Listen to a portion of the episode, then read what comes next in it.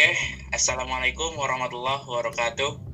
Halo Transpro dan Transis, apa kabar kalian? Semoga kalian dalam keadaan sehat walafiat. Amin. Tetap jaga kesehatan di tengah pandemi ini. Kami selalu pastikan kepada Transpro dan Transis sebelum mendengarkan podcast ini, jangan lupa menunaikan tugas dan kewajiban. Jangan sampai kita lupa akan tugas kita di dunia. Episode ini kita akan bahas cashless. Uh, cashless adalah sebuah kegiatan ekonomi yang tidak menggunakan uang fisik atau uang tunai. Cashless ini dalam masa pandemi ini ya mungkin di apa ya disuruh lah demi mengurangi apakah sentuhan ya? Iya sih. Ya nah. kalau menurut gue ya sedikit sedikit dulu. Ya kalau dari gue sih uh, cashless sebuah jalan jalan pilihan di saat pandemi ini. Apalagi kayak contactless uh, yang berbahan contactless gitu juga gitu. Jadi kita bayar harus yang tidak dengan uang tunai atau juga kita tidak perlu bersentuhan. Seperti kalau cashless juga pakai kartu itu udah bersentuhan juga kan dengan alat tapnya atau edisi dan segala macam gitu. cashless ini digunakan di berbagai moda transportasi baik rail base maupun ya yang roda seperti kereta, bis sampai dengan parkir. Nah, gimana sih cashless yang ada di kereta? Wah, Ahmad Rafi mungkin bisa jelasin ke kita nih. Hmm, kalau masalah cashless nih di kereta terutama.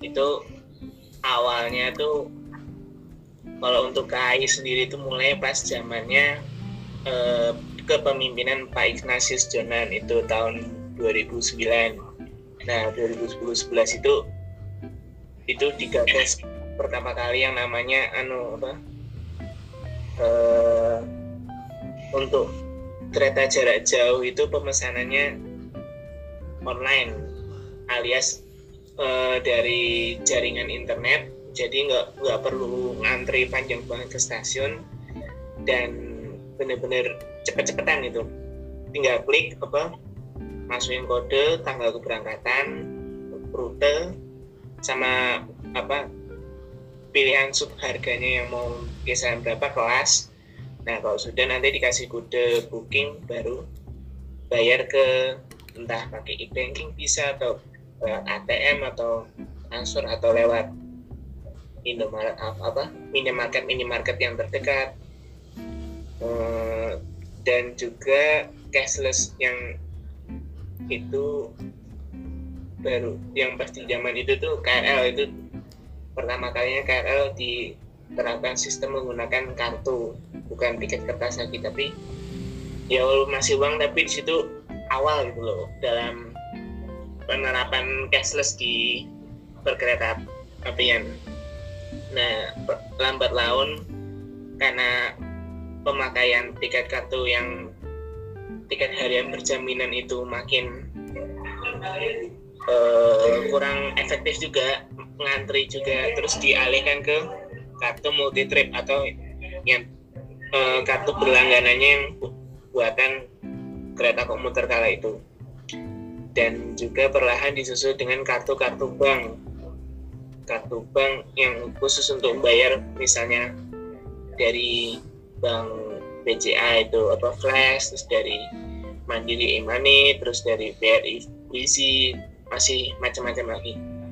Pokoknya itu benar-benar ngebantu banget untuk ngurangi apa bersentuhan langsung dengan uang dan lama kelamaan semakin berkembangnya zaman itu yang dulunya pelayanan tiket tuh pakai loket sekarang pakai mesin yang vending mesin yang khusus untuk tukar tiket atau mau top up gitu. Jadi benar-benar ngurangi banget penggunaan uang itu atau nggak bisa ngisi lewat transfer apa mungkin yang sekarang baru ini ada juga yang pakai link aja gitu yang lebih gampang untuk kereta lokal untuk pemesanan tiket misalnya online. Jadi nggak harus perlu ke ATM atau ke apa bisa pakai langsung aplikasi uang dari smartphone gitu. Dan sekarang pokoknya serbi online jadi lebih gampang dan nggak harus bersentuhan langsung dengan uang. Kan tahu sendiri kan uang kan kotor dipegang banyak orang gitu biar fleksibel biar enak juga gitu biar transaksinya gitu. Nah mungkin ada tambahan mungkin dari Hasbi. Kalau penggunaan cashless di sekitar kereta api di lingkungan kereta api sih uh, contoh-contohnya ada contoh yang lebih kecil lagi kayak uh, parkiran di stasiun itu uh, udah dari tahun berapa lebih tepat itu nggak tahu kurang tahu. Tapi uh, parkiran stasiun itu sekarang udah pakai imani. Kalau dulu baru bisa kayak gitu doang. Sekarang udah imani. Terus uh, pemesanan KJJ, KRL, lengkap juga udah bisa online pakai MB juga uh, imani. Itu aja sih. Berarti ada ya tahapan yang cukup lama ya untuk menerapkan cashless di sistem kereta apian ya sistem pelanggannya ya. Walaupun uh, cashless di kereta api eh, nggak uh, se-fleksibel di MRT karena di MRT kan uh, bisa bisa saldo sendiri via aplikasi. Nah itu bisa belum kita temuin di komputer lain. Semakin dimudahkan berarti oke Transpro dan Transis jika tadi kita bahas sistem cashless di uh, KRL di komputer lain nah sekarang kita bahas sistem cashless di bus khususnya sekarang kita akan bahas di bus akap Jawa dan bus uh, perkotaan di luar Jabodetabek. Uh, Nop, coba jelasin Nop. Oke, untuk bis-bis akap ya, semenjak hadirnya Traveloka dengan menu pemesanan via menu pemesanan tiket bus dan juga ada aplikasi Redbus, menurut gue itu ada satu cara untuk mengurangi yang namanya kontak langsung dalam pembayaran. Dia bisa dibilang cashless dengan sistem transfer. Dan juga itu juga uh, mengurangi naik penggunaan kertas dan tiket. Meskipun ada beberapa PO yang masih menerapkan tiket tapi untuk tiketnya sendiri ada yang beberapa masih menerapkan tiket sampul ada juga tiket stroke tuh kayak Jaya nah dengan adanya sistem cashless sendiri untuk akap Jawa sendiri pemesanannya sekarang kita nggak perlu datang lagi lah ke terminal ke agen. Cukup kita punya namanya nomor agen kita bilang sama agennya untuk pemesanan tiket. Nah nanti agennya nanya kira-kira mau dibayar kontan apa transfer gitu? Kalau misalnya kita punya nomor WA nya misalnya nih kita mau pesannya via transfer ntar si agennya ngasih nomor rekening mereka gitu terus kita bayar gitu juga. Jadi ntar pas keberangkatan tuh kita tinggal ngambil tiket fisiknya aja gitu. Kayak gue kemarin waktu itu naik sempat di Star.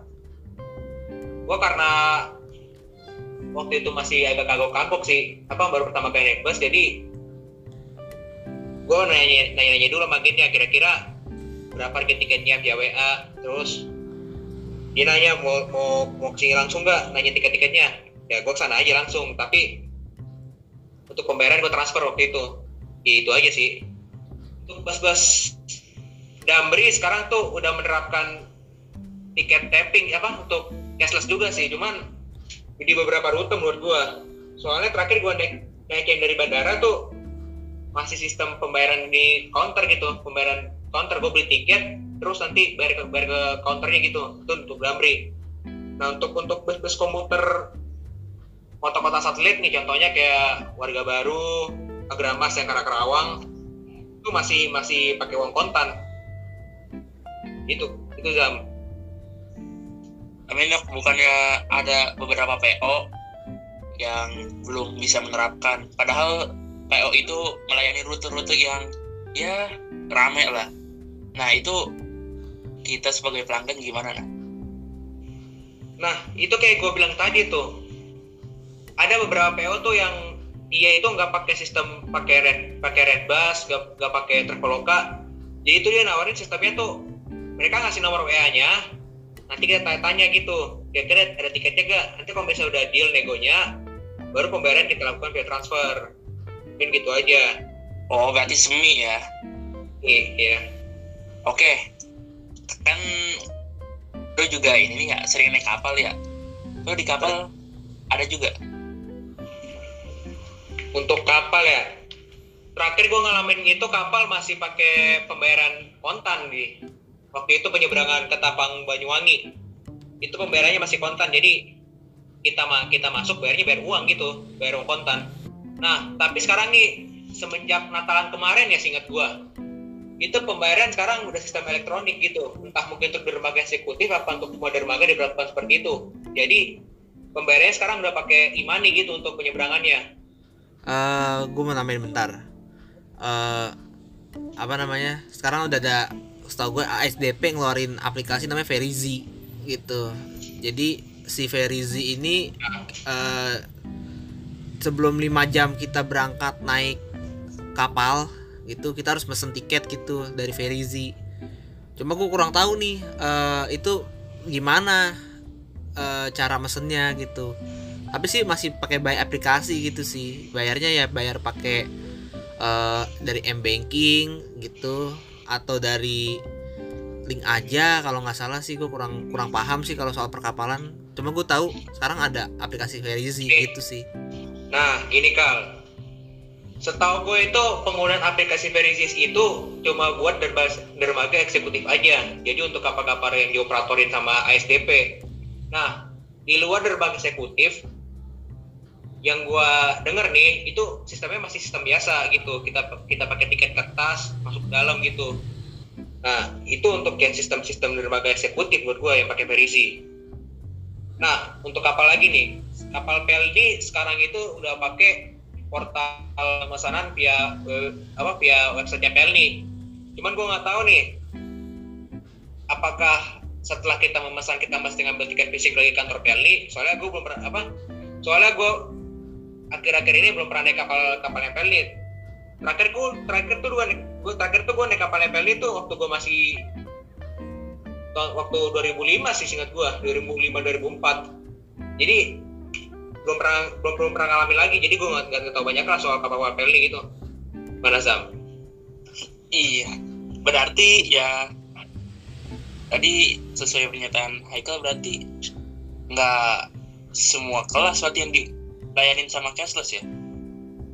Nggak semua kelas. Yang gua yang gua tangkap gak semua kelas tuh aja. Soalnya yang cashless tuh rata-rata eh bukan rata-rata sih. Yang gua lihat tuh cashless itu di ASD masih diterapkan di dermaga eksekutif itu aja. Pesawat pesawat pesawat. Nah pesawat semenjak ada trap apa semenjak dimulainya era era booking via internet itu perlahan-lahan di sistem pembayaran itu udah pakai sistem transfer. Nah masuk lagi bookingnya via traveloka. Itu udah udah justru bisa bisa bisa bayarnya bisa bisa bisa cashless malah bisa ada yang kalau nggak salah ada yang bayarnya pakai OVO lah ada yang bayarnya pakai virtual account money lagi ya semacam lainnya gitu. Jadi di, di sistem pesawat udah full cashless ya? Udah full oke sekarang kita berlanjut ke Ikal nih. Kal uh, kan di Jakarta sekarang sistem cashless sudah maju ya sebagai kota metropolitan. Uh, cashless juga di Jakarta sangat dianjurkan karena kan emang demi memut apa ya tidak menularkan virus covid. Nah menurut lo kal cashless Jakarta gimana sih? Cakupannya semuanya? Coba jelasin kal. Oke gue mulai dari bis dulu ya TJ ya. Uh, sejauh ini sih TJ memang dari berapa tahun lalu emang sudah mulai pakai kartu ya. Kartu yang bisa dipakai itu ada dari bank-bank BUMN kayak Bank Mandiri, Bank Mandiri, eh, BNI, BRI, terus habis itu ada BCA, terus juga ada bank dari Bank DKI gitu. Dan ada juga kartu Jaklingko untuk semua kayak uh, eh, KRL atau LRT, MRT, Transjakarta yang kartu Jaklingko itu berbasis pada uh, gandeng bank-bank uh, pemerintahan tersebut gitu. Nah, untuk sarananya ya di TJ itu sekarang nggak hanya kartu doang tapi itu kayak di uh, mesin tabnya ada yang pakai uh, kita nge-scan gitu jadi kan kita tahu lah ada ada portal pembayaran yang pakai dari HP kan kayak OVO, GoPay, link aja gitu kan. Iya. Nah, itu bisa kita scan barcode di di apa namanya di mesin tap TJ itu. Nah, cuman beberapa ada yang masih nggak berfungsi gitu loh. Jadi masih pas masih pakai mengandelin kartu. Itu yang di di halte-halte BRT. Nah, kalau non BRT yang gua tahu kayak mini trans, metro trans itu udah pakai. Nah, ada jenis-jenisnya juga. Kalau mini trans juga tuh ada yang bentuknya kotak gitu, samping-sampingnya warna kuning. Merek apa ya? Emco kalau nggak salah atau Enco gitu. Itu juga bisa buat nge-scan, cuman belum belum bisa dipakai untuk nge-scan, cuman ada ada ininya, ada kayak perangkatnya lah gitu. Jadi masih bisa nge-tap doang. Semua kartu bisa yang tadi disebutin. Terus juga ada yang sekarang lebih gede lagi bentuk uh, mesin tabnya di mini trans atau metro trans.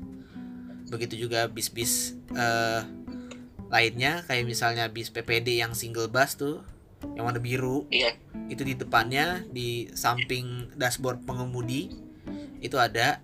Terus di bis TJ lainnya juga semua bis TJ nih kayak misalnya bis TJ merek mereknya Mercy dari body laksana tentrem restu ibu dan apa pun itu sama posisi di depan di sebelah das di sebelah dashboard pengemudi itu udah ada gitu. Karena memang ini kan armada bakal di rolling ya nggak nggak hanya main di rute BRT bisa juga di non BRT alias reguler gitu jadi kan gimana pun kita tuh harus ngetap harus ngetap di depan itu pas kan pintu masuknya dari depan yang pendek gitu kan. Iya. nah tetapi nih uh, oh ya sorry. Mikrotrans juga ada. Mikrotrans itu emang harus pakai kartu ya kan? Kartunya masih kartu Jaklingko yang baru bisa BNI sama Bank DKI itu lalu tetapi nih ada kurangnya. Itu bis yang operatornya KAJ atau Kopaja yang bentuknya biru itu kecil itu dia masih menerapkan uh, masih pakai bisa pakai uang itu. Gue saat menghindari banget gitu ya. Gue pakai mik pakai mikrotrans lagi pakai bis non BRT bis kecil satu Q waktu itu. Dia pakai Kopaja bisnya. Dan itu bener dikasih tiket-tiket karcis gitu karcis kertas gitu. Gue bilang lo kok nggak pakai mesin edisi gitu? Ya mesin edisinya lagi rusak. Wah kan nggak lucu banget gitu lagi posisi begini kan. Iya. tapi ada waktu itu pernah gue juga pakai mesin edisi. Nah itu makanya di armada itu kenapa nggak ada gitu. Nah akhirnya gue tanya tuh zam bang kenapa sih kak Aji nggak masang mesin tap gitu? Atau TOB tap on bus gitu sebutannya.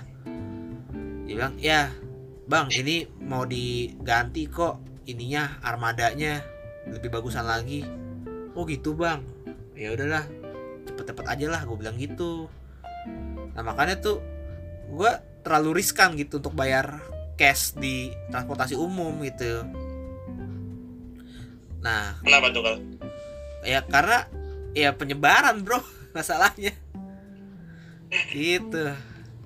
Nah terus terus kalau eh, di MRT ya dari awal memang sudah pakai kartu. LRT juga gitu. Tapi sekarang udah ditambah. Di MRT udah bisa pakai kayak QR code.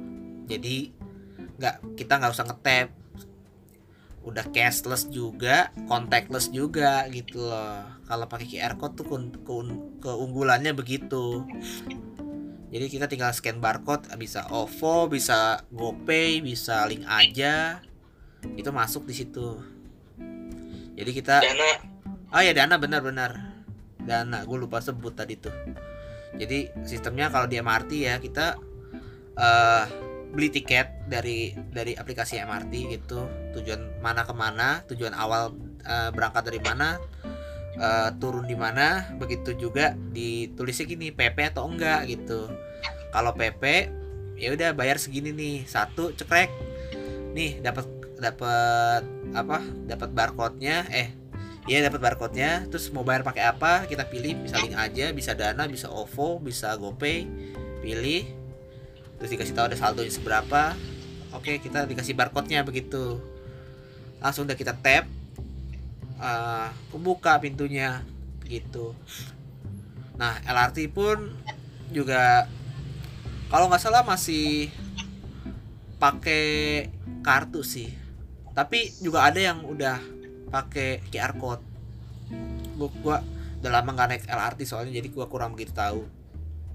Terus kalau tadi kereta lokal udah dibahas ya sama Ahmad Raffi bahwa sekarang kereta lokal tuh udah punya pilihan yaitu dengan KAI akses. Yaitu kita udah nggak usah pakai tiket sampulan lagi gitu kita tinggal apa namanya kita tinggal pesan bayar pakai link aja baru pakai link aja ya kan. Terus ntar dikasih barcode-nya barcode-nya begitu sampai stasiun kita ya itu di scan barcode begitu. Nah terus kalau di parkir-parkir sekarang juga udah mulai pakai uh, cashless juga ya cuman mulai ya? uh -uh. tapi sekarang tap apa alat alat untuk tap di parkiran sih uh, unik menurut gua sebenarnya itu kita bisa langsung ngetap kayak bis TJ gitu ya kayak bis TJ MRT gitu kita ngetap apa namanya kartu pertama kita mau masuk parkir lalu kita tap lagi gitu. Pas di tap outnya tap out itu itu akan keserap gitu loh duitnya. Akan ke ambil jadi bayarnya di di belakang gitu bukan di depan. Kayak ya kayak modelan bis naik naik MRT naik KRL naik LRT gitu sih. Cuma ada juga yang katanya contactless ya pakai yang apa tuh kayak bentuk bulat gitu tuh yang kita tangan kita majuin deketin nanti keluar karcis ya kan percuma juga ya pak kena kena kertas lagi karcis kan Iya. ngaruh walaupun nanti kita bayar di loket eh bayar parkirnya kita cashless tapi udah megang karcis ya itu gimana ya masih masih menurut gua sih masih itu sih Zam Belum sempurna. Mm-mm, gitu bagi saat pandemi ini memang sebuah hal yang revolusioner sih memaksa kita untuk apa eh, memakai cashless itu. Mau di mana pun itu mau kita belanja mau kita naik transportasi umum. Ya gimana ya mau nggak mau akan terjadi perubahan yang sangat sangat eh, menyeluruh gitu loh.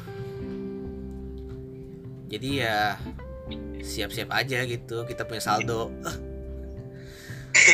Bener bener. dan juga apa dompetnya lebih tipis. Isi kartu doang. Iya iya begitulah. Ya harapan gue sih ya pandemi cepat cepat berakhir. Dan juga tren cashless dan contactless ini bisa bertahan lah. Karena kita pasti akan lebih maju eh, secara cepat sih ke masa depan nanti ini. Dan gua harap ya gua harap sih eh kalau yang masih pakai cash gitu banyak-banyak cuci tangan lah pakai hand sanitizer dan segala macem. Gitu aja sih jam kalau kata gua mah kalau harapannya. Oke, kalau harapan dari sistem cashless di kereta nih, menurut lo gimana bi? harapan eh, sistem cashless menurut gua di kereta sih eh, semoga bisa lebih terintegrasi contohnya eh, bisa pakai OVO link aja karena apa deh tap di stasiun itu nggak semuanya bisa pakai OVO link aja kalau nggak salah link aja. OVO GoPay Dana belum bisa itu. Jadi eh, semoga ke depannya ya bisa bisa kayak itu. Selain dari link aja itu kan nggak semua pengguna kereta itu pakai link aja. Pasti ada yang lain juga. Eh, terus juga apa nih mesin-mesin edisi buat pengisian minuman selain KMK itu juga diperbanyak sih sekarang eh, siapa tahu ada orang yang apa nih imannya habis dan ya kan saya ada apa nih ada pengguna uh, KRL yang imaminya habis dan nggak punya uh, KMT kan jadi repot gitu karena gue lihat dari di beberapa stasiun yang stasiun-stasiun kecil itu nggak punya edisi buat ini dari bank-bank itu. Mereka cuma nyediain uh, mesti top up buat KMT doang. Tapi kalau stasiun yang besar kayak contohnya Citing dia gue lihat sih uh, ada mesin edisi yang buat uh, imam gitu. Jadi uh, harapan gue sih makin apa nih makin banyak edisi buat top dan terus uh, mesin di stasiun itu bisa terintegrasi sama uh, OVO, GoPay, terus dana juga menambahkan sih gitu aja sih bagi gue. Menurut lu Pi, gimana harapan lu buat sistem cashless di kereta? Kalau harapan gue ya semoga sistem uang apa sistem cashless itu ya lebih berkembang lagi lebih pesat lagi jadi benar-benar kalau bisa ya apa transaksi-transaksi itu berkurang gitu loh. Pakai uang kertas langsung pakai transaksi kartu gitu kayak pakai apa kartu bank apa kartu ya, apa multi trip kayak KRL itu. Terus ya mungkin masih banyak orang yang belum terbiasa atau masih yang kaku apa masih nggak tahu apa-apa. Mungkin ya dari pihak kereta atau KCI atau apa itu lebih sering-sering sosialisasi itu kan. Setiap hari kan pengguna kereta kan berganti-ganti nggak cuma itu itu aja ya ada yang berlangganan ada yang penumpang harian apa penumpang musiman itu kan mesti kan suka pada kaku itu kok liburan terutama ya. Mungkin harapan gue ya lebih ke sosialisasi aja rutin itu entah di sosmed entah langsung di stasiun. Ya harapan gue semoga makin berkembang aja untuk cashless di kereta apian kalau nggak salah ini ya Vi ya kalau nggak salah ada ini ya sekarang komuter pay ya gantinya KMT ya atau apalah tuh yang kerja sama hmm, mandiri katanya rencana yang bisa dipakai buat KR, KRL bandara kan ya KRL bandara hmm. mah udah cashless yeah. dari iya. awal Nah itu kan karena bandara juga rencana mau diusulkan juga bisa pakai kartu bank juga tuh ke depannya. Iya mudah-mudahan Jakdingko bisa masuk lah. iya benar-benar. Oke sekarang. Nino menurut lu? Ya. Di bus nih bus akap sama bus di luar Jabodetabek poin-poin apa yang harus dikembangkan? harapan gue untuk bis-bis akap di luar Jabodetabek khususnya itu semoga makin banyak yang menggunakan uh, pertama tuh pemesanan online biar bisa cashless yang kedua memaksimalkan yang namanya e-banking transfer ya menurut gue karena dengan adanya transfer apa transfer uang terutama via e-banking dan juga penggunaan secara maksimal dari yang namanya portal pemesanan tiket online itu gue rasa dapat menaikkan okupansi penggunaan bus tersebut. Jadi pemesanannya gampang dan juga lebih jelas lah istilahnya untuk dari segi fasilitas. Jadi fasilitas yang ada yang, di, yang, di, yang diterapkan pada Traveloka nih misalnya itu jelas nih. Jadi waktu gue naik Sempati Star tuh dikasih tahu nih uh, kalau bus Sempati Star itu memiliki yang namanya wifi, AC, bantal, dan selimut. Nah, kalau misalnya ada salah satu unsur yang di sana tidak ada, itu penumpang bisa bisa protes gitu.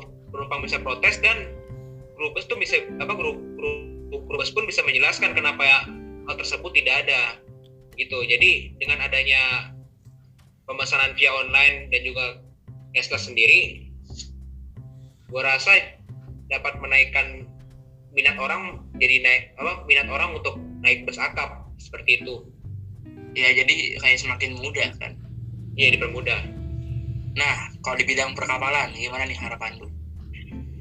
Harapan gue di bidang perkapalan sendiri dengan adanya sistem cashless semoga tidak ada lagi penumpukan antrian.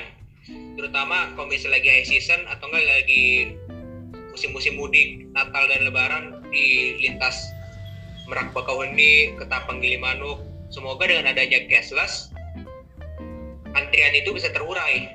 Terutama untuk antrian-antrian masuk kapal gitu satu tambahan nok dari gua nok. Semoga calo mengurang. Calo kalau calo sendiri tuh calo di mana? Calo untuk di SDP sendiri apa calo Perli nih? SDP SDP nah ini nih masih gimana ya sistem calo? Kemarin gak ada sistem calo sih yang ada sistem agen. Tapi Oh. biasanya untuk penggunaan agen sendiri itu biasanya untuk truk-truk gede biasanya. Oh itu yang, beda. yang, yang sering yang, yang dipakai sama kantor gue tuh gitu tuh. Iya yang ada itu kan Apa? menara sigirnya Iya, gitu iya. kan. Ya agen penyeberangan. Itu Oh. buat ngatur dia punya timbangannya berapa terus panjang panjang si muatannya berapa ntar sampai pelabuhan tuh kita tinggal bayar aja gitu. Itu sebenarnya bukan calo tapi agen agen penyeberangan. Beda ya? Khusus truk-truk aja. Beda ya kalau Iya. calo nggak ada calo itu ya? Calo penumpang itu nggak ada ya nggak ada calo penumpang harusnya oke aman lah Oke, mungkin itu harapan dari kita semua ya. Semoga Castle ini bisa berkembang dalam sistem transportasi. Terlebih lagi di masa pandemi ini, ya guna untuk meminimalisir penularan virus COVID-19. Terima kasih kepada Transpro dan Transis yang telah mendengarkan. Semoga bermanfaat. Jangan lupa, marilah kita eh, hijrah dari sistem tunai menjadi cashless untuk ya memudahkan kita dalam bertransportasi. Sekian dari kita. Assalamualaikum warahmatullahi wabarakatuh. Waalaikumsalam warahmatullahi wabarakatuh